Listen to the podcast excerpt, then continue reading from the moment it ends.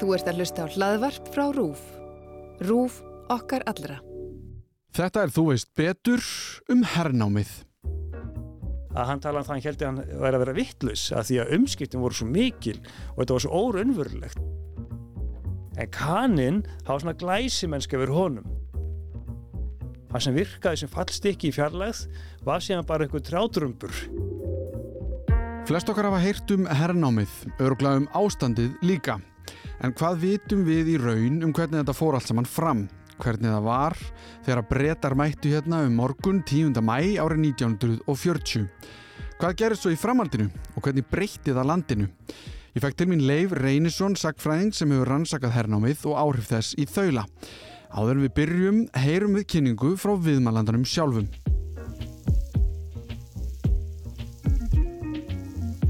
Ég heiti Leifur Einarsson og er sakfræðingur. Hef nú undarhörnum starfað sem sjálfstæðu fræðimaður, tekið að mér ímis verkefni. Hef mikið rannsakað sögu æskulismenningar í Íslandi, svona frá hernámi og fram á 8. áratígin. Hef velt fyrir mér rock-kynnslóðinni, bítla-kynnslóðinni, 68-kynnslóðinni og hef mikið ákvæmaður um hernámsáruna því að þar líka rætunar svo mörgu. Þar verða svona svo miklar breytingar og margvíslegar á íslensku samfélagi.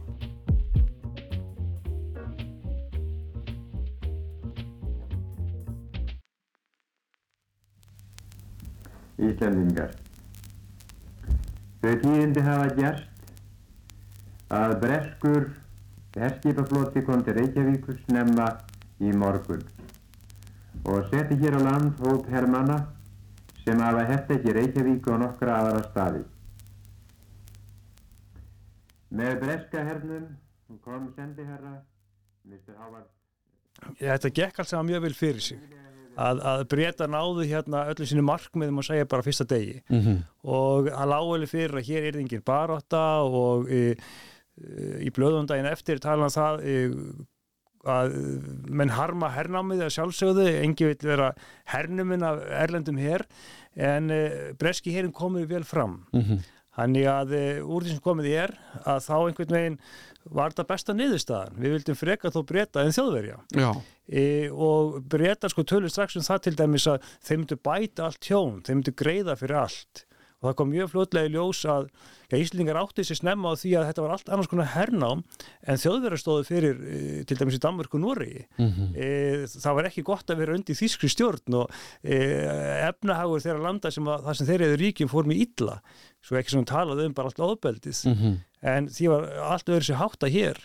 Og það maður að segja það að nútíminn hófst á einhver ákveðin tíma að þá má draga fram þennan dag 10. mæ 1940 hernámsdaginn sem svona e, eitthvað symból fyrir hver nútíminn e, hóf innveið síðuna að því að e, það gerðist bara svo margt í kjölfarið og breytingarna voru svo e, margvíslegar af því að, og bara svo ef við förum kannski örsnögt í það, þá, ef að fólk veit ekki nú þegar, að þá var kannski ástand á Íslandi fyrir hernámið ekki upp á marga fiska. Nei, að e, Kannski bókstallega. algjörlega bókstæðlega að e, við vorum að segja e, gjaldtróta ríki mm. -hmm.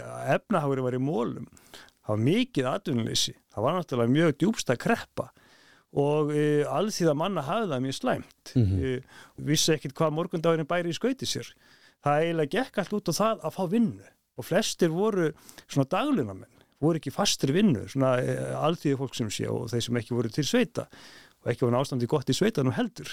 Þannig að ástandi alveg sé var mjög báborið. E, Nútímina hann hafði jú kannski ski- einhverjum skilningi hafi innröði sín á Íslandi um og upp úr aldamótunum í 1900 og það hafði margt breyst á þessum 40 árum en það var afskaplega hægfara breyting. En með hernáminu það verður bara stór stökk og annað líka það að eh, menn hafa talað um það eh, sem muna þessa tíma að fyrir hernámið þá var Reykjavík svona rólindur bær sem allt gekk mjög hægt fyrir sig. Það stór, gjör breytist að- með hernáminu það einhvern veginn fer alltaf flegi ferð. Að eh, hluti að því er náttúrulega tæknivæðingin og umferðin með hernáminu náttúrulega eh, fylgdu sko eh, allskins bílar. En umferð að götum stóri jógst Uh, og, og síðan uh, með hernáminu komið sér vel með þessum gerða verkam og Íslendingar uh, gáttu miklu frekar keift velar og tæki, sérstaklega eftir stríð og bíla Þannig að sko þessi rólindi bær sem að menn þekktu fyrir hernám, það ástæðan kom aldrei aftur. Mm Við höfum snúið bakið einhverju. Og breytar komenga og það er um morgun 10. mæ og ég hlusta á einhverja gamlar upptökur einhvern tíðan um daginn þar sem að það er einhverja lýsa þegar þeir koma að það séu allt í einu svona í móðun þetta er svona frekar kvikundarleg lýsing en í móð í hérna þokunni kom allt í ljós þessi skip með byssunar knarreistar einhvern veginn og auðvitað frekar skrítin sjón allt í hennu að standa á hafnabakkanum í Reykjavík og sjá þetta. Bara svona kannski líka snögt það sem breytar gera sko þeir fara ekki bara í landi Reykjavík þeir eru líka að dreifa sér aðeins um landi og kannski svona, hvað við að segja tryggja og, og að, að, að þeir þjóðverðar sem séu hérna séu hansamæðir og svona kannski læsa landinu að einhverju liti Já, akkurat. Eitt af fyrsta var náttúrulega að hans sem alla þjóðverja og það var tölverst af þjóðverjum hérna e, og breytar óttuðist að e, það geti orðið þeim skeinuhætt. Uh, og, og náttúrulega fyrst í stað líka að enga fréttir bærist úr landinu þess að lokuði fyrir sko öll fjarskipti. Um, þeir byrjuði að taka Reykjavík á þeir koma snemma líka seyðisfyrði en, en fyrst svona hernámsdægin að allur mannskapur má segja þetta hernámslið sem var nú bara hérna í viku tími eða svo að e, það tekur Reykjavík og fjörður á Kjalarnes og, og út á Akranes e, til þess að skapa sér ákveðna stöðu til þess að vernda kvalfjörðin síðan farið líka austur á Sandskeið og allar austur að Selfossi Kaldanesi, það sem voru svona flugvallar skilir þeim að segja. Að, að þessu svæði voru þeir svona fyrsta hernámstægin síðan eftir að vikan líður að þá kemur hinga nýtt herlið sem er fyrst og veist landherr sem tekur við af þessu landgönguliði flotans, Royal Marines. En síðan einni í kjölfæri koma náttúrulega e, e, flugliðar og, og sjó, sjóherrin sko, mm -hmm. flugherrin og sjóherrin sko það tekur náttúrulega ákveðin tíma fyrir herrin að koma sér fyrir. Hann e, þarf að koma sér fyrir hérna í Reykjavík reynda líka að viku liðinu þá fara í norður til Akureyrar og þeir tóku nú bara varskip til þess. Mm -hmm. sem er móðgóðist í því að þeir færi þannig að. En, en sumt af þess að var svona með svona saklisisblægi er svo maður að segja eins og þeir tóku strandferðarskipi til Akarnes sko að hernámsdægin þess að koma sér fyrir þar. Og bara með öðrum farþögum sko. Og síðan til að snemma komu þessi líka fyrir hérna út á austur og seyðisfyrði hann er að já það var Reykjavík, það var Akureyri, það var seyðisfyrði til að snemma. Síðan sendu þeir menn eins og til dæmis út á vestfyrði að í mjög smáum stíl það voru svokalagi strandverði sem voru hann í Þorpunum, ég held að það er að við eðulega verið þrýr saman, alltaf ekki fleiri mm -hmm. en megin bækistöðin var náttúrulega sko Reykjavík og Mosfells uh, sveit eins og hétt þá uh, því þar ástu miða vegum millir Reykjavíkur og Kvalfjörðar og fjöldamarki voru í Kvalfjörði og þeir byggðu síðan flugveld á Kaldaðanesi og síðan voru fjölmarkir á Seyðisfyrði setna reyndar fluttuð síðan set og fór til reyðarfjörðar mm -hmm. og það var svona helsta bækistöðin þá hérna austur á fjörðum. Og síðan var nokkuð margir líka á, á Akureyri. Og e, hann bætaði við sko að þeir náttúrulega komist fyrir, fyrst var að koma sér fyrir. Kom einhverju viðbúnaði e, fallbyssun til dæmis. Þeir setti strax, skils mér fyrsta dægin upp að já, loftvarnabissu á, á skólaverðahæðina og síðan í framhaldinu öskjulíðina, landakottshæðu og, og, og, víðar sko. En um, þeir voru bara svo vannbúnir og þegar með að skoða máli nánar að sáu þau stundum að það sem virkaði sem fallstykki í fjarlægð var síðan bara einhver trjátrömbur nærfa komið falsvopn. Þeir voru bara að feika það? Þeir voru bara að feika það. Já, einmitt. Þannig að það sá fyrir sér, ok, þjóður að koma að hinga auglust yfir með njósnaflugi og taka myndir að þá halda er þetta sé fallbissa þannig náðu þeir að íkja vopnabúnaðin aðeins að því að þeir voru svo e, fátækjir af e, vopnum í, Já, bara breski herin í heildina eða hvað? Eða bara sá sem kom hinga sérstaklega, já sko í heildina uh, algjörlega mm. að því að þeir hefði ekki sko byggt hérna upp uh, nærri að sama skapi og, eins og þjóður hefði gert en síðan aftur að senda er ekki sitt besta lið hingað, ekki sitt besta opnabúna hingað. Nei, nei. þannig að við fengum svona svona það vesta restina, restina akkurat, einhverja gamla hólka og fyrir heimstyrjöld og einhverja svona úlingstráka úr kólanámum úr mið héröðum Breitlands já Það voru talað um það ef hvað þessi breski hermenn hafi verið lít hermannleir. En sko að þú talar og nefnir uppbyggingu og þegar vikan er liðin þá kemur í raun innan kannski alvöru herin eða kannski þú veist þá sem er að fara að vera hérna. Sko uppbyggingin og þegar hjólinn fara að snúast af því að þú talar um bara erfitt að fá vinnu og bara atvinnuleysi á Íslandi og allt þetta Já. hvað er það sem í raun þeir byrja að gera, er það að byggja bragga eða byggja flug, veist, í hverju felst vinnan sem að Íslendingar fá síðan að vinna í og, og, og þessi svona kannski að- hjól atvinnulífsins að, að einhverju leiti sem fara að snúast. Já, góð spurning, sko, eh, fyrst byrja að geta þess að auðvitað kom heildar herin ekki strax að viku liðinni, það tók sko einhverja vikur, kannski mánuði að koma eh, hernum hinga því að það voru hérna 10.000 hermanna sko. Já, og það gerist ekki á einu sólarring en sko fyrstist það var náttúrulega að koma sér fyrir.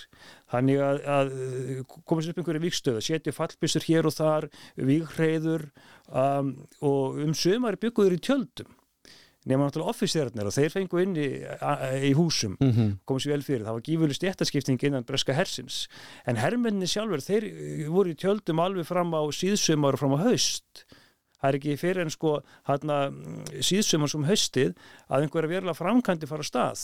Já, og það er þá sem að fara ég það að byggja braggana til þess að hýsa hermennina og líka til þess að koma upp uh, byrðageimslum og uh, svo margt sem að herin þurfti á að halda sko, þetta setja upp uh, svona uh, matsali og baðaðstöðu í því hvað en líka náttúrulega fara út í miklar uh, framkvæmdir fyrir herin eins til dæmis að byggja upp Reykjavíkurflugvöll og byggja Mhm. mm flugvöllun á Kaldaðanesi og flugvöllin melgerismjölum uh, í Eyjafyrði, ég man ekki alveg hvernig það fór að stað, það var Mm. kannski eitthvað setna og síðan að bæta hafnarskilir líka sko, til að koma skipunum að eitthvað síst í kvalfyrði og farið allskins vegabætur þannig að þeir voru líka að byggja upp hérna ákveðna inn, innviði sem Mhm. við náttúrulega nötum góðs af þannig að um, allt í einu að þá farið þeir kalla til vinnuafl.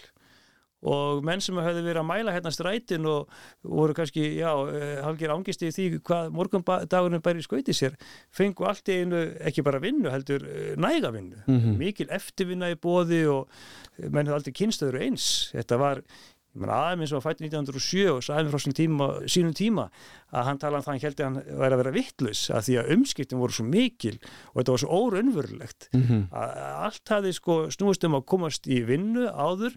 Nú var næga vinnu að hafa og, og þá líka breytist valdalhutfullina því að verstjörnur hefði haft svo mikið vald hérna áður fyrr völdu úr og menn þess að sína ákveðna auðmygt ofta tíðin gagvar þeim en nú var það þannig að þeir sko gengur bónleiðir og hérna e, e, gráðbáðu mennu og mæta til vinnu. Viltu, viltu tilbúin að vinna fyrir mennsku vinnur og þá var það henn óbreytti verkamaður sem hefði heldur betur styrst stöðu sína. Mhm. hún leið náttúrulega styrkir sjálfströstið og ég verða þá að bæta því við að því ofti tala um það að Íslendingar hafi lært að svíkast um í vinnu á hernámsárunum. Mm.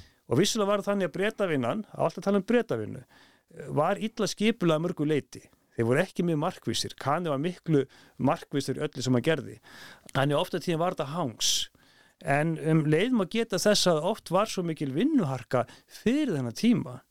Þannig að þarna kannski voru við komin í öfgætnar að vissu leiti hinum megin já. En allt einu fór allir vinnu sem vilja og alveg úlingstrákanir í 14 ára aldur að þeir eru komin í vinnu, þeir eru komin í bretan eins og það hétt. Og þetta var svona hugtak sem var bara fast í málunum bretavinna og þegar kanning kom og byggði upp á sína vinnu, þá skilst mér að það var áfram talað um bretavinnu. Þetta var hugtak sem nota yfir vinnu fyrir herin.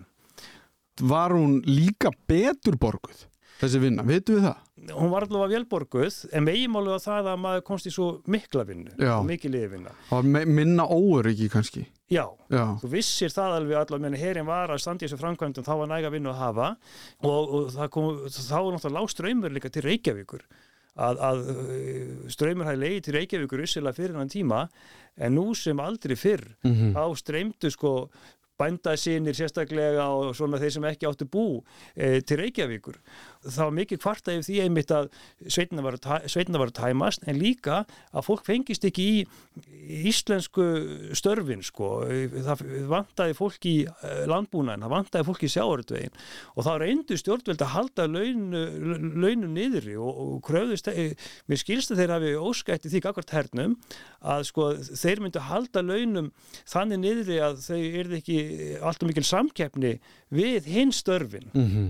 Og, og að því að eftir skemst næst þá voru breyta tilbúin til þess að borga betur sko. E, og stundu var reynd að minka e, vinnuna sérstaklega sumrin þegar vantaði kannski kaupa okkur til sveit að því að fólk fegst ekki í þessi störf. Og það var bara vandraða ástand uh, víða.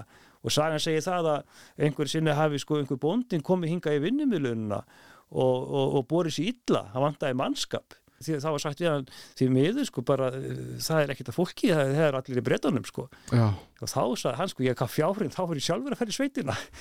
Og strákurinn líka, hefur þá báður í breytavinnu já, einmitt. þetta er kannski gaman sagan segi sína sögu einhvað síður sko. Og það er vita að það fóru margir úr sveitunum og líka til dæmis bændasinnir til að komast í launastörf að því að sveitamenn sá ekkert pening, þetta var svo mikið vöruskipti þar. Eh, nú allt í einu sko var peningur allstaðar og þessi peningar þeir, þeir lendi ekki bara í vössum fullorna heldur líka úlinga og jafnvel stráka. Mhm, það var einhver stráka sem var að selja bretum e, Daily Post sem var blað sem að íslenskur blaðamaður e, rak. Mhm. Og, og, og, og, og, og það var mikið tala um þessum árum sko eh, hvað æskan hafði mikið af peningum millir handana og hvað var fljóta að eða þessum peningum. Það var líka alveg, má segja nýtt. Og þurfti ekki þá líka, sko, að því að þannig erum við að tala um í raun verkavinnu, til að byggja og græja allar þessar hluti sem við varst að tala um, en það þarf líka að þjónusta allt þetta fólk, af því að allt í einu eins og þú sagðir, kemur inn í Reykjavík sem er ekkert það stór á þessum tíma, svo mikið af fólki sem að hefur áhuga allsins hlutum og vill kaupa allsins hluti og, og þannig að verslun og þjónusta hlýtur að breytast líka. Algjörlega, já. Þá komu breytabúlutnar, Já. eins og tala var um, og e, þá opnuðu allskis matsölustaðir, e, sjoppur og þetta líka e, fjölgaði vestlunum mjög að því að allt einu jógst kaupgeta svo mikið Mhm. hjá almenningi og hermenn náttúrulega líka e, voru hópur sem að e, versluðu. Þar fjölgaði störfum mjög og það var mikil uppsveifla. Helsti vandi var náttúrulega vöruskortur að því að gekk oft svo illa að flytja inn vörur eðlilega þegar í stríðsástand. Mm Mhm. viðskipti við meginlandi Evropu hefði náttúrulega lokast. Þannig að útflutningur og innflutningur ég fóru til Bretlands og Bandaríkjana og í Bretlandi sérstaklega var náttúrulega hörgull af vörum þannig að það var svo mikil vöruskortur á ymsu en þó var oft halað um það hermenn sem hér voru að uh, hvað mikil upplifun að vera í Íslandi því að ég fyrir það fyrsta þá voru bæirnir upplýstir Já, en það var myrkur í Bretlandi og síðan líka þetta að það var miklu meira uh, vöru úrval ofta tíðum heldur en sást þar mm. Uh, þannig hér sko, jú, almennt sem maður kannski segja það að vöru magnjókst þó oft hafi verið hörgull á ymsu. Já, en sambandið milli borgara og, og hernáms manna, var það yfir höfu gott þegar breytanir eru? Já, það var sko e, allur gangur á því. Það skipti til dæmis máli hvað það varst. Að e, þessi lína var nú slags e, eða tótt slegin í byrjun stríðs, e, bara daginn eftir hernámið, að e, það ætti að vera algjör aðskilnaður. Við ættum að hafa sem minnsta herliðin að segja. Að því að þetta var náttúrulega innrástar hér og við ættum að sína sóm okkar í verki með því að sniðgangan eins og við gætum, bara Mm. sína svona ískalda kurti eins og var sagt, til að þeir myndu líka finna að þeir voru óvelkomnir en síðan eh, hermenn sem að voru til dæmis upp til sveita og voru hann eins og þorpum til dæmis á vestfjörðum kannski þrýr saman hverjum stað þeir byggu bara inn á fólki Eh, það var getnað þannig þannig að þeir urðu heimilisvinir Mm, og einmitt. þar náttúrulega urðu samskiptir ofta tíð mjög persónuleg að Akureyri, þá var talað um það að þar hafi, hafi samskiptin gengið svona betur fyrir sig heldur til dæmis í Reykjavík og mér skilst að breyta við sjálfur talað um það að þar hafi bæjarbúar ekki sínt sama kulda og til dæmis getið bent á það að íþróttarhefingin hér eh, á Reykjavíkusvæðinu hún ákvæðlega bann við að það eh, færi fram einhver sko eh, keppni á milli breyta og, og Íslendinga, hvað sem væri fótbolti eða einhverju öðru. En ég veit að það fóru fram til dæmis einhverju fótboltileikir á Akureyri. Þannig að það var einhvern veginn ástandi Skilabóðan ekki alveg komast til skila í norður. Já, að að vera einhvern veginn með það svona aðeins frá sér. Þar fóru menn sína leiðir Já, ákveðin svona mósæk mynd sko, þetta er alveg klift og skorið En þarna er sko, þetta er brettin hann alltaf svo sem kemur yngað en þú nefndir að bara árið setna er það ekki eða, þessi samningu við bandarækjumenn hei, þið getið þið tekið við hvenar er hann og, og, og kannski af hverju var það, já, af hverju vildi brettin losna? Já, e, samningunni gerður e, ég heldur munur okkur rétt 7. júli 1941 Mm -hmm. og breytar áttu fullt í fangi með sitt e, þjóðverðin náttúrulega hafðu náð e, virkilega góðri vikstöðu e, á meilandi Evrópu og voru í því að letu sprengjum rigna yfir Breitland Mhm. voru hann að knýja það til uppgjafar Þannig að breytar þeir vildu hafa nýta sitt herlið betur og vildu líka draga bandarækjumenn með sér í stríðið. Þannig að þeim tókst að sannfæra bandarækjumennum það að koma hérna upp hér og bandarækjumenn sögðu að það verður að gerast með þeim hætti að Íslands stjórnult óski eftir því. Mhm. Þannig að það var ekki svona e, eins og hernámið sko. Íslendingar náttúrulega vissu það að það þýtti ekki að neyta. Nei, nei, já, þetta er erfið staða, þess að þið þurfið að byggja okkur Já, en við erum samt bandaríkin og það er sérni heimstjórildin þannig að hérna, bara nennið að segja það. akkurat. Já. En um leið eh, voru stjórnulgreinlega ráðinu því að e, nýta sér aðstöðunum sem best Mm og settur um ákveðna kröfugerðir sem bandarækjum gengu að sko. Eins og, hva- hvað var það til dæmis? Já, það var e, e, eins og að þeir myndi ekki vera lengur með herin en sko þörf krefði þar að segja ekki lengur inn í stríðslokk Mm -hmm. ég manandi hún ekki alveg sko en ég held að þeir hefur líka óskætt í því að jú, örgulega þeir ákveðir sko greiða sem þeir kem- kemur allir í verslun mm. mm. útflutningi okkar vörum og innflutningi á nöðsina vörum og þá að við myndum njóta sko góðra viðskiptakjara Einmitt. ég held ég munið að rétt að styðja það að hér er stofna líðveldi Já, auðvitað sem að stort mál á þessum tíma. heldur Já. jú, jú.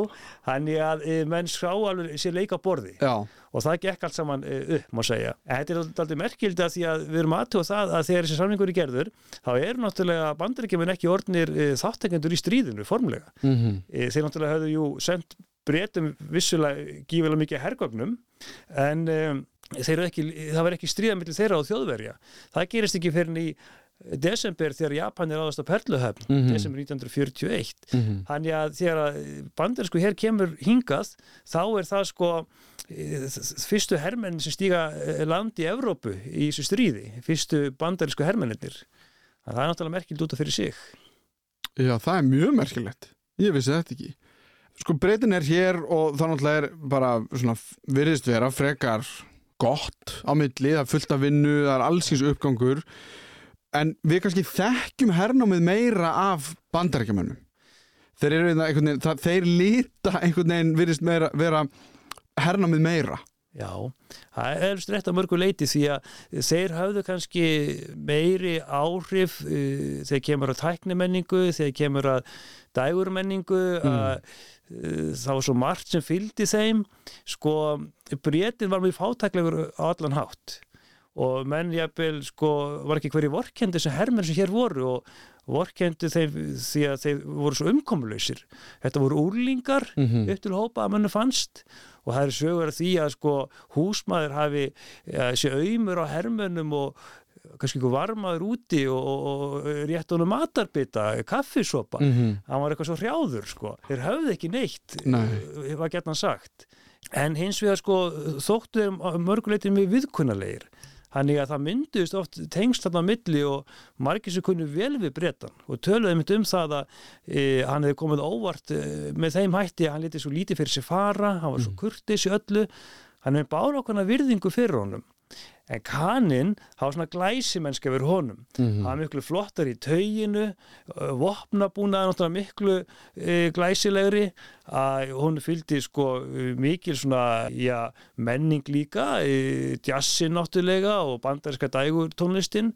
Þeir ykkar með hljómblötur í stöflum, þeir voru margir hverju með e, plötuspilara og það eru margir Íslendingar sem að kynntust könum og þáðu plötur að gjöf frá þeim. E, þannig að þeir voru oft mjög veitulir og sitt voru aflugafærir breytar hefðu vissulega gauka salgeti og, og eplum og appelsínum að, að fólki sko frá því yngað Já, og kaningi er það líka bara í stærri stíl svona eins og kanans er oft, já, svona eins og hann gerir oft bara. Það er eins og grann. stærra og meira og eitthvað. Já, nákvæmlega og, og síðan heldur þeir svona dansleiki sem voru miklu flottari og þá að gætna hann sko svona alltaf því big band sko sem að var í, í því að skemmta í, í, þeim sem dönsuð á gólfinu sko því að þarna, þessum tíma voru dansleikir mjög e, í tísku og, og, og, og kaninn sko e, þurfti náttúrulega að ná sér í kvennfólk og hvað kvennfólk er það? Það var náttúrulega íslensk kvennfólk Jú, jú. og þá- eins og fræktur orðið, þau hefur rætt mikið um það. Jú, og, og vissulega gerir breytin það líka mm. en Kanin hafði bara miklu betri aðstöðu. Já. því hann var með sko stærri svona skemmtibrakka þar sem að þeir voru með fínar hljómsveitir og Einmitt. eh, þeir voru svo veitulir áfengi og betur klættir hvort sem voru í hergala eða borgarlegir og gáttu náttúrulega mm, svona sínt meiri herramönsku gagvar kvennfólki þegar komað allavega eðslusemi þeir, þeir, þeir, voru, þeir gáttu leifsir að vera veitulir. En halda bandarækjumenn bara áfram því sem breytar hafi verið að gera, varandi innviði og það allt? Og, og vinnu? Já, og þeir náttúrulega byggja upp keflaugulflugvöll Já, einmitt. Það var svona stór aðgerðin þar. Að, að Reykjavíkulföllur var náttúrulega mjög stór á íslenska mælikvarða en, en uh, Keflavíkulföllur var ennþá stærri og, Mhm. og þeir fóru til framkvæmdir hér og þar.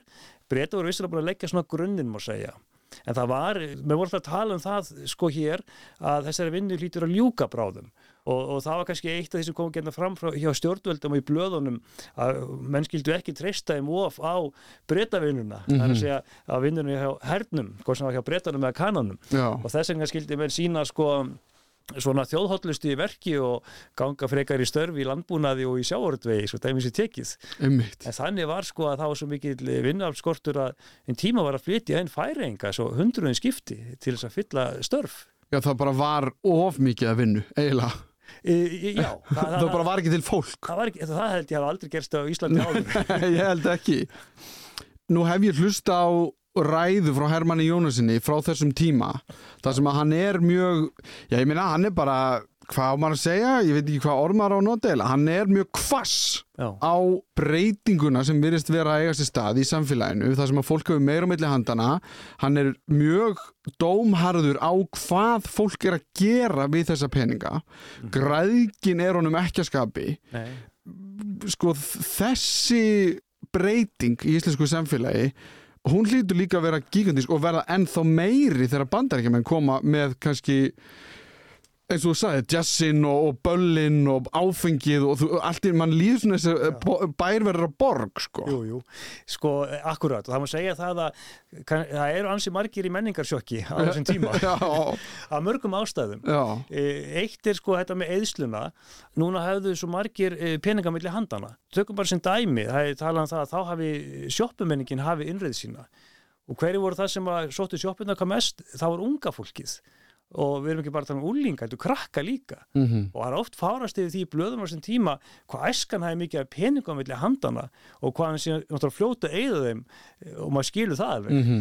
að uh, það er talað um sjoppukynnslóðina, hún hafi vel komið upp úr þessu. Sjoppana, hún svona hefur innrið sína sem svona, hvað ég að segja ákveð menningafyrirbæri. Síðan þegar kemur úlingunum þá að fara að tala um sko töffara og stælgæja.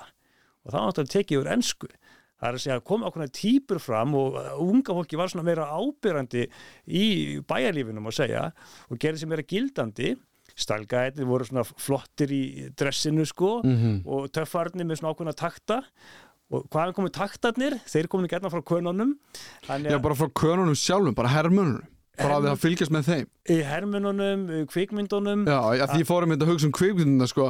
þetta var alveg fyrir grís en ég hugsaði um einhverja svona stælgæi einhverju Danny Sugo í grís eða þetta er allt í myndi komið með gel í hárið eða eitthvað og þú ert svona byrjar að hafa þið til og hugsa um hvernig þú lítur út sko. Já, og það er kannski líka eitthvað sem er mjög gott að hafa í huga, það er þetta fólk hafði fyrir efna á því að hugsa út í það hvernig það liti út. Mm -hmm. að það, það gætt leift sér að uh, eigða peningum í tísku og, og sé, í klæðnað og það gætt leift sér að uh, úlingar að reykja og, og það var náttúrulega ákveði stöðuták líka. Já, og það að vera með kókflösku í hendinni mm og það síðan að sína ákveði fas. E, e, og það að hafa þessa peningamilli handan og geta leift sér þetta það skapa líka ákveði sjálfsöryggi. Og þetta sjálfsöryggi kom ofta tíðum fram í þessu fasi e, töffarastælum Mhm. og þar hefur hátterni Kanas örglega haft mikið að segja. Kanin sko með sína já, glæsi mennsku klæðabörði hann þótti líka vera svona hvað ég var að segja, hann var fyrirferða meiri á allan hátt en bretin ja, bretin var svona hlétrægur, almennt séð mikið talað um, en Kanin hafa svo mikil ferð á honum og, og svona, hann var fyrirferða meiri einhvern veginn uh, svona gagvart umhverfinu er svo maður segja. Mm. e, og, og, og það var eitthvað sem að sérstaklega kannski unga fólkinu þótti verið alltaf flott, töff Mm og vildi svona e, tilenga sér þessa hætti en sko e, þegar Hermann e, er fárast e, Já, ég held að sé 40 og eitthvað, ég man ekki alveg nákvæmlega 42 kannski eða 41 á einhver áramónd að ræða. Jú, jú, að, að, að e, e, sko hluti af þessu kannski þetta að e, hún fannst menn miss ákveðna jærbindingu mm og kannski var ákveði lojalitet líka að hverfa svona gagvart yfirvaldinu. Og menn er kannski áhyggjur af því og það að menn skildi ekki bara sætta sig það að sinna sínu landbúnaðstörfum eða að fara til sjós að það var ekki sama taumhald og áður Mhm. en síðan kom líka upp allskins tækifærismennska eins og launverslun á milli hersins og, og Íslendinga það sem menn sá þessi leika á borði bæði óbreyttir hermenn og reyndar líka officerar og, og Íslendinga sem voru tilbúin til að græða á hernum þannig að það var mikið um stuld úr byrðageimslum hersins að ræða því að það mátti ekki stundinni viðskipta milli, Nei. herinbanna eða og Íslands stjórnvöldbönnu eða líka.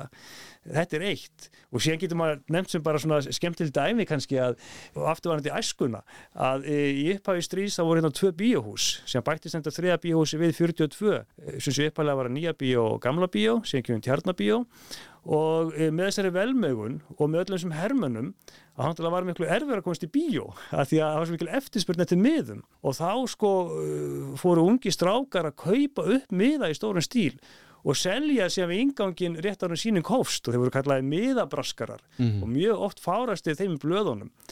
Dæmi um svona tækifærismennsku sem var mörgum svona misböð sko að hérna hvað siðferði þetta? Þannig að það fór svo margt einhvern veginn svona úr skorðum á þessum tíma það sem Hermann saði sko endur speklaði viðhorf mjög margra. En síðan sögðu henni líka sko í, það máttu nú heldur betur bæta aðstöðu til dæmis í alþýðunar og kvennfólksins og væskunar Já, sko það gerðist margt í þessum efnum á stríðsárunum mm. að uh, almenningur fann það að uh, hann gæti haft um meir um eigin mál að segja Mm og allir fá að vinnu og það verður ákveð svona launaskrið en kannski freka það að benda á að það var sko eins og gerist hérna stríðstímum það var svo mikil dýrtíð eins og kallaðist. Það var notað í verbulgu þessum tíma, dýrtíð. Mm vöru verð hækkaði svo mikið verði. E, hluti af því var náttúrulega að því að, að markar höfðu lokast víða. Við áttum bara viðskiptið við breyta og, og bandarækjumenn og e, það var óörökar að flytja vörur á milli staða það var hörgulla vörum þannig að vöru verð hækkaði. Mhm. og þá náttúrulega vildi fólk fá uh, hæri laun til þess að mæta því. Já, já, og það var kannski ákveðin vítarhingur og e, síðan kom þar sögu að stjórnvöldi ákvaðu að kæfa þessa kjærabartu sem að segja, settu bara lög, lögban á einhver verkvöld sko, sem Mhm. þau hingaði ekki lengra.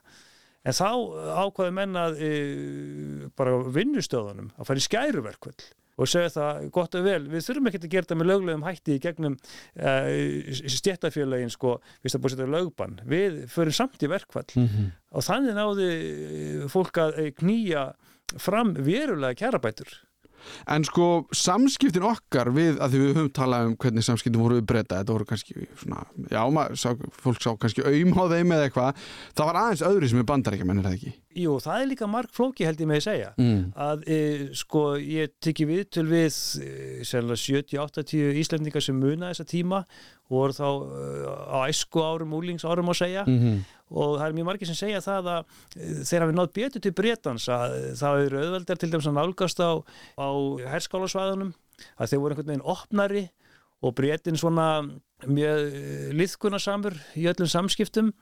En hjá bandaríkjumennum þar var svona uh, kannski strángari ytri ægi. Þar sem það mátti engi koma inn í herbúðurnar það var miklu strángari þannig. Þannig að sumir æskumenn hafa sagt mér sko, eða þessum voru æskualdir þá ég kunni miklu betur við breytana því að hann var eitthvað svo líkla mm hann var svo mjúkur á mannin en það kannski líka var að því að hann var umkomulaus og hann vantaði félagskap og hann vantaði afþreyingu. Kannin hafði miklu meiri afþreyingu því herinn sá um hana hér. Þeir voru miklu betur í stakk búin til þess. Mm. Þannig að hér bandaríkjamenn, þeir þurfti ekki eins mikið á samskiptum við Íslendinga að halda nema þeir koma kvennfólkinu kannski. Og kvennfólki sko að, að þegar kannin kom að þá kannski hættu margar líta við bretunum. Að Já, já. bretin þóttu bara púkó í samanbörði við, við kanan. Mm þess vegna sóttu að frekar í kanan svona almennt sem maður kannski segja. Já. þó veit að þetta líka verið personubundið það var gífulega stert félagsett haumhald getur við sagt á þessum tíma.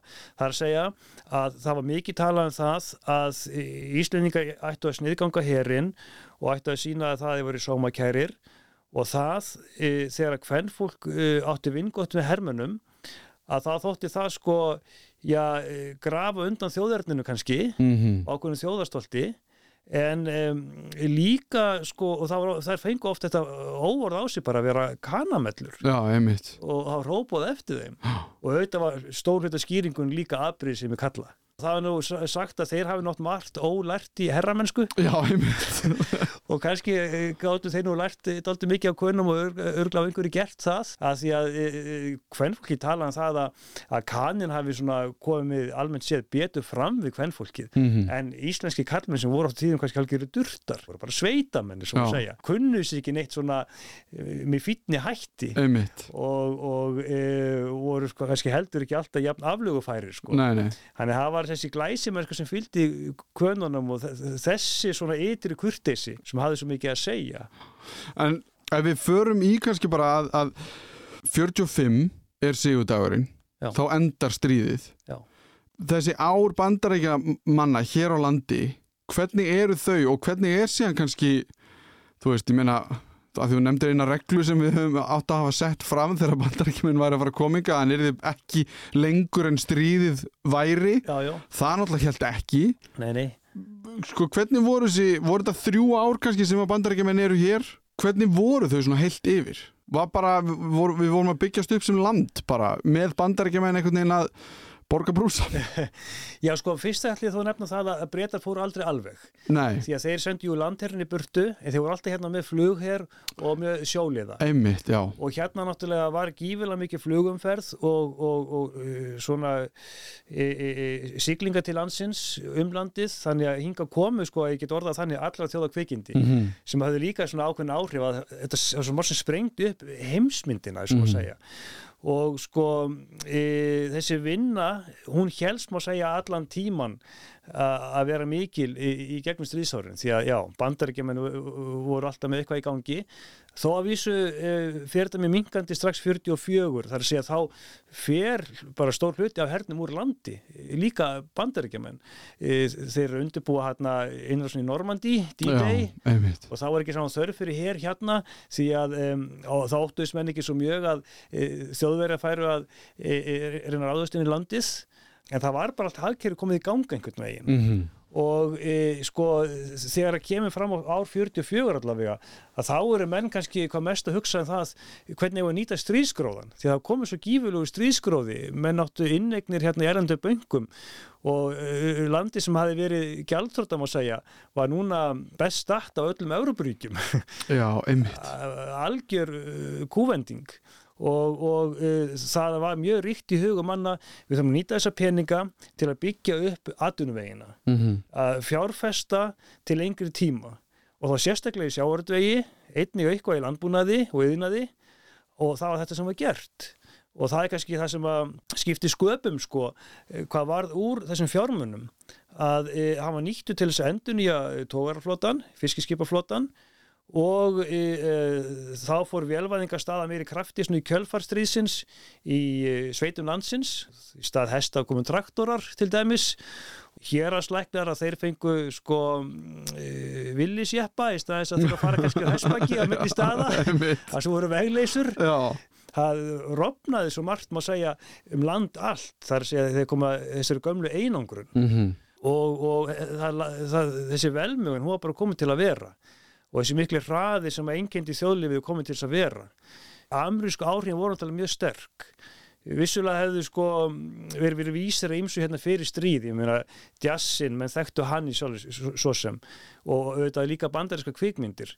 En þetta var bara svo massífum skala á hernámsárunum, mm -hmm. helt síðan áfram að vera það eh, eftir stríð að, að jazzin hafi sko virkilega hafi innröði sína. Og líka bara þessi bandaríska dægula tónlist í hildsinni, svo maður segja. Þannig kemur þessi tenging að því að það er oft talað um, ok, við erum mitt á milli Evrópa og Bandaríkjana og það er oft talað um áhrifin sko, þessi bandarísku áhrif myndast þarna. Já, og hvernig við einhvern veginn bara, og í bara framhaldin, í kjölfarið já, þróum sem land sko, á að það er komin 80 ár núna síðan sko.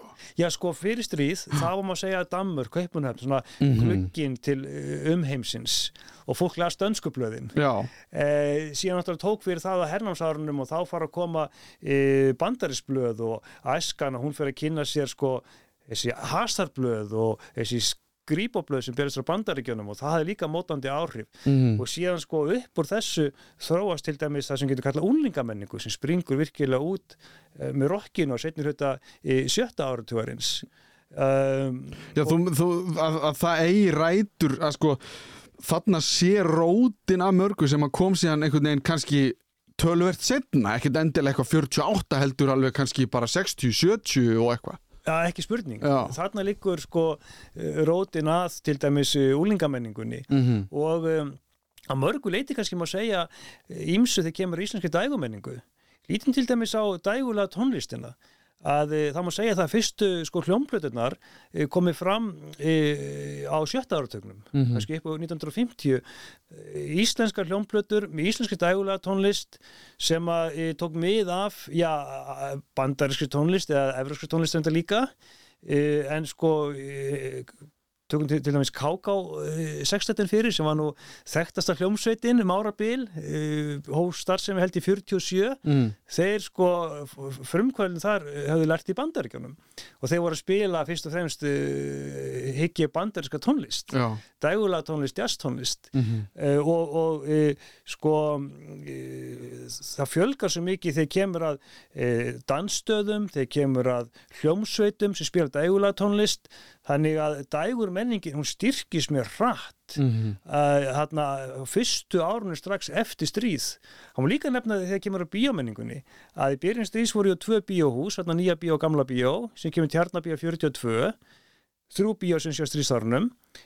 Fyrir lok áratugurins þá eru bíón orðin sjö í Reykjavík Mhm. að þá eh, Tripoli bíó hefur bæst við, Hafnar bíó, Östubæ bíó og Stjörnu bíó sem áttalega vitnisbyrður um að auknu velmegun Mhm. að eh, fólk hafi fyrir eitthvað efni á því að sækja skemmtanir, það kom fram í bíóhúsunum, það kom fram eh, í dansstöðun sem stórfjölgaði, vegnust Tífóli, Já. 46 Einmitt. þá tala um það sko e, nú við orðið velmöðandi þjóð við erum orðið líðveldi, við þurfum að sína e, metna okkur í verki og hluti að því er að koma upp einhverju skemmtanarlífi, við þurfum skemmtigarð Mhm. tífóli Já. og, og sem, sem tákur en dæmi um það hvað var að gerast e, á þessum tíma Af því það náttúrulega skapast einhver svona hefð og hvað ég að segja, krafa um einhvers konar einmitt, skemmtun eða að það sé frambóð af einhverju. Og jafnvel þótt að stríðið endi 45 að þá er krafan en þó til staðar.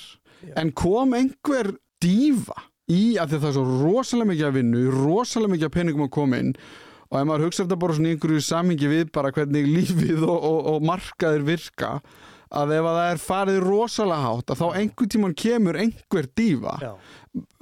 Gengum við í gegnum þannig líka af því að allt í henni er náttúrulega miklu minna að vinna að hafa og, og svoleiðis. Góð spurning og það var mikið talað um þetta líka uh, á stríðsárunum sko, að eftir stríðið, eftir sko, þessa velmegun sem er gerfi velmegun Mhm. að því að uh, hún er tilkomin af sérstökum ástæðum að herin uh, það er mikið vinnuafl sem fer hann eftir stríðið þá verður kreppa menn voru alveg sannfærir um það virðist vera. Já og það var spáin alltaf, já. Já, það var Já. spáin og, og menn voru þá mikið að draga lærdom á því sem hefði gerst eftir fyrra stríð að það hafi komið kreppa í kjölfarið. Mhm. og menn svo fram á það sama myndi gerast e, eftir þetta stríð.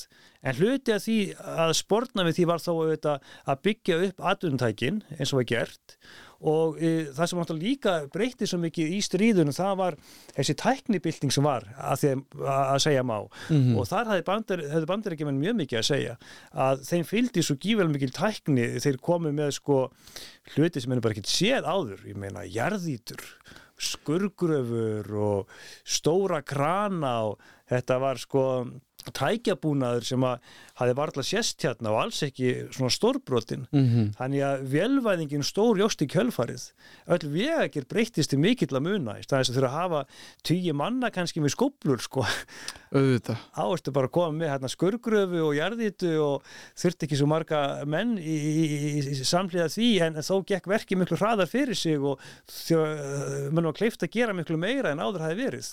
Og náttúrulega kannski búið að búið að setja fyrsta sparkið á stað. Vegakerrið það var búið að fara eitthvað í það. Þannig að það þurfti ekki að byrja upp á nýtt. Það þurfti bara viðhalda einhverjum, einhverjum þróun sem hafi verið byrjað á Já, já, og síðan að svona byggja þetta upp þannig að e, sí aukin umferð myndi frekka þóla þetta mm -hmm. því að sko nú verðum við virkilega bílaþjóð að, að, e, og, og ferðalög stór jökust líka e, fólk hægt leift sér meira og fór að ferðast meira um landin áður hafi verið, fleiri gáttu eignast bíla Mm -hmm. og síðan náttúrulega með tímanum að já, þá umferðin jógst og, og þá náttúrulega þurfti líka ekki bara lengja vegakerfi heldur líka bæta það sko Mhm.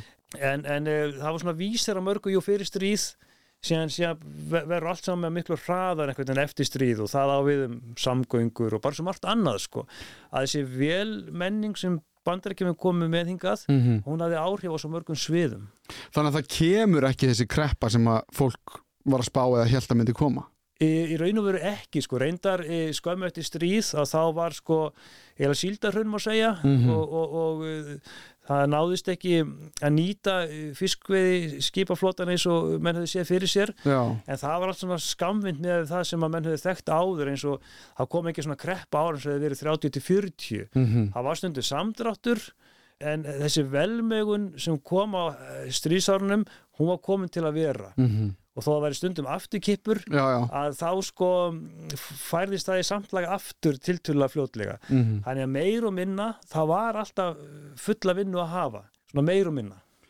En kannski þá svona að því að stríðinu líkur hann og við setjum þessa kröfur um að þeir verða ekki lengur en stríðið er Já, við stöndum ekki við það eða hver er ástæðan fyrir því að í stríðslok segjum við er þessi regla sem við sögum í byrjun já, við þurfum ekkert að standa við hana. Veist, að, að því ég man ekki alveg hvenar herin fer mm frá Íslandi. Hann alltaf mingar og mingar og mingar einhvern veginn alltaf eftir árunum en, já, já, en þetta eru einhverjir tugir ára sem að þeir bandarækjumenn eru hérna áfram já, sem er ekki kannski hernám en það er, hvað ég var að segja það er ángi af hernáminu. Ákveður svo ákvörðun tekin, hvaðan kemur hún? Já, sko breytar fara hérna 46. Já, Kanar voru hérna nokkru eftir og vildu vera með aðstöðu á keflaugulfulli og Mhm. voru með aðstöðu þar. En síðan sko e, að setni heimstrið lokinni að þá fljótlega hefst nýtt stríð sem kallaðist kaldastríðið og þá kom nýr óvinnur mm -hmm. Sovjetiríkin já, og þá sá sko, þá var heimsmyndi bara þessi að, að Sovjetmenn þeir hafa tekið lagt undir sig Austur-Evrópu og við þurfum það að verja hérna vestrið, þessum að segja. Og Ísland er hluta af þessu vestri. Þannig kanar, þeir óskætti því að að setja upp herstöðar hérna til hvað 99 ára þeir vildu hafa hérna nokkuð margar herstöðar mm -hmm. og fyrstist að þá segja Íslands stjórnvöld nei við því. Þetta viljum við ekki.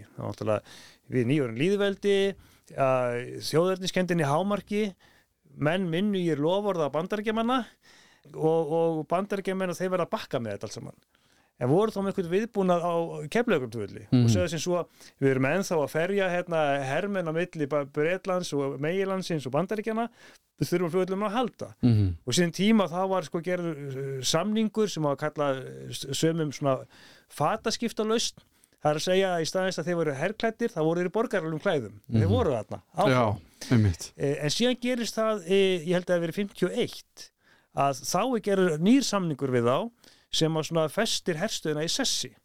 Og uh, þá er svona kaldastrið farið að magnast og það má segja gerist í kringum kóreustríðið mm -hmm. að þar eru sem sé það, það eru Kórea, Vígvöllur, Bandaríkjamanna og, og Sáðmanna, þá ég hefði tali hægt á kærnorkustríði og þá svona jógst ótti margra og það var náttúrulega gert aldrei út á það líka. Og þá taka Íslands stjórnast þessa ákvörðin sem var mjög umdeilt að e, bandarskur hér fá að vera hérna í, í áfram sem sé, í herrklæðum Mm -hmm. og, og, og þá kemur einhver bara herlið e, formlega 1951 og þeir voru hér fram með síðust aldamót. Og bara svona vangavelta helduru að það hafi að einhverju leiti verið af því að við grættum svona mikið á þeim í byrjun? Í, á bara á alvöru í herrnáminu að það var svona, kannski græði við líka bara að hafa hérna bæði sem vernd og bara atvinnu og eitthvað Þetta er náttúrulega varhugaðar svæði að minna á. Já, ég er bara eitthvað svona að hugsa út í þetta sko, að því að, Já, já. þú veist, við já, að því að við fengum svo mikið út úr því að þeir komum ekki fyrst Já, sko um þetta eru uglust deildar meiningar Já, og það má alveg deilum það sko af hversu góðum vilja Íslands stjórnvöld e, samþýttu það að herin kæmingað. Mhm.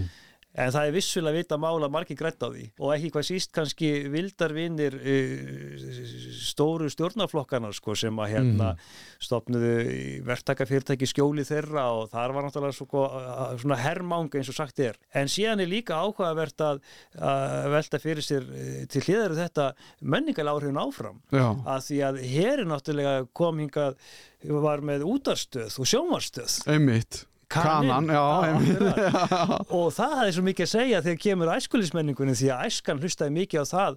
Og það er talað um það á tímanbili hafi fleiri íslendingar hlustað á kanan heldur en bandarækjumenn sjálfur Já, og KK16 sem ég nefndi hérna áðan.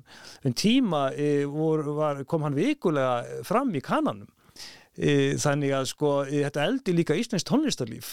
Að það, það hljómsveitir skemmtu oft hérna á klúbunum hjá þeim fengur vel borgað og e, voru náttúrulega oft í tengstum þá viðjapil kynntust kannski bandarískun tónlistamönnum eða fengu eitthvað þaðan sko, einhver tónlistalega áhrif. Og, og uh, æskan hún kynntist náttúrulega hvað helst bandarískri tónlist eh, þarna frekar heldur í ríkisúttarpinu Já, ég gerir fullkonar á fyrir því, sko. Já, það er þeir sem var sko eh, hlustuðu á, já, eh, country tónlist í tannleikin þegar Rocky kemur mm að þá var náttúrulega kanin megin málið, það var kom Rockis og hafði mikil áhrif á það hvernig úlingamenningin sko þróast á rockarunum og síðan áfram náttúrulega gegnum bílatíman og Og allt, já, já, bara þarna var einhver, einhver lífsæð af allskins mismunandi menningu. Já, En svona kannski til þess að þá svona taka þetta saman á, mér finnst það alltaf svona doldið stuðandi en alltaf því ég læri meira og meira um þetta þá finnst mér það alltaf nær sannleikanum að eins hræðilega og setni heimstjöldin var að þá var hún bara mjög gæfusum fyrir okkur sem land. Við græðum doldið á setni heimstjöldinni við vorum í einstakri stöðu mm. og e, stundum var nú talað um blessastríðið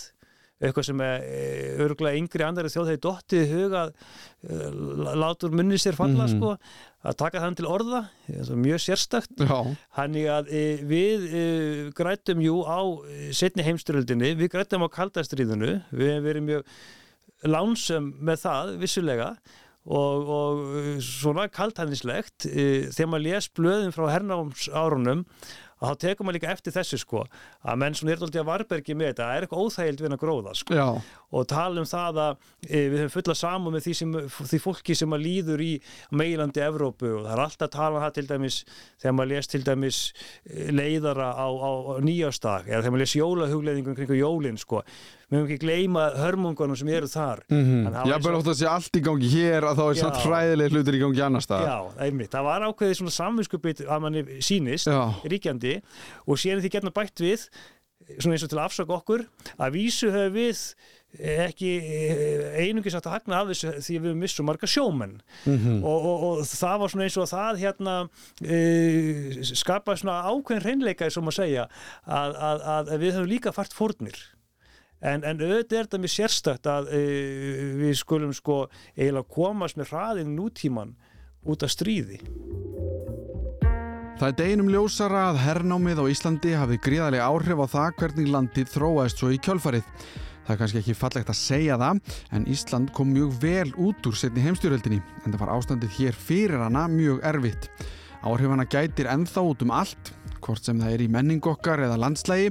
Spurningin er frekar hvort við séum öll bara orðin frekar ónæm fyrir þeim, sem er auðvitað bara eðlilegt, en það eru 80 ár síðan að breyta stíu hér á land.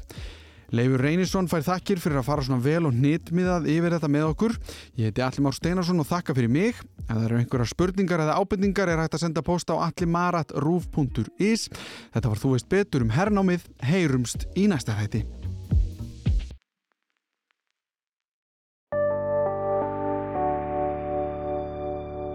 Rúf okkar allra.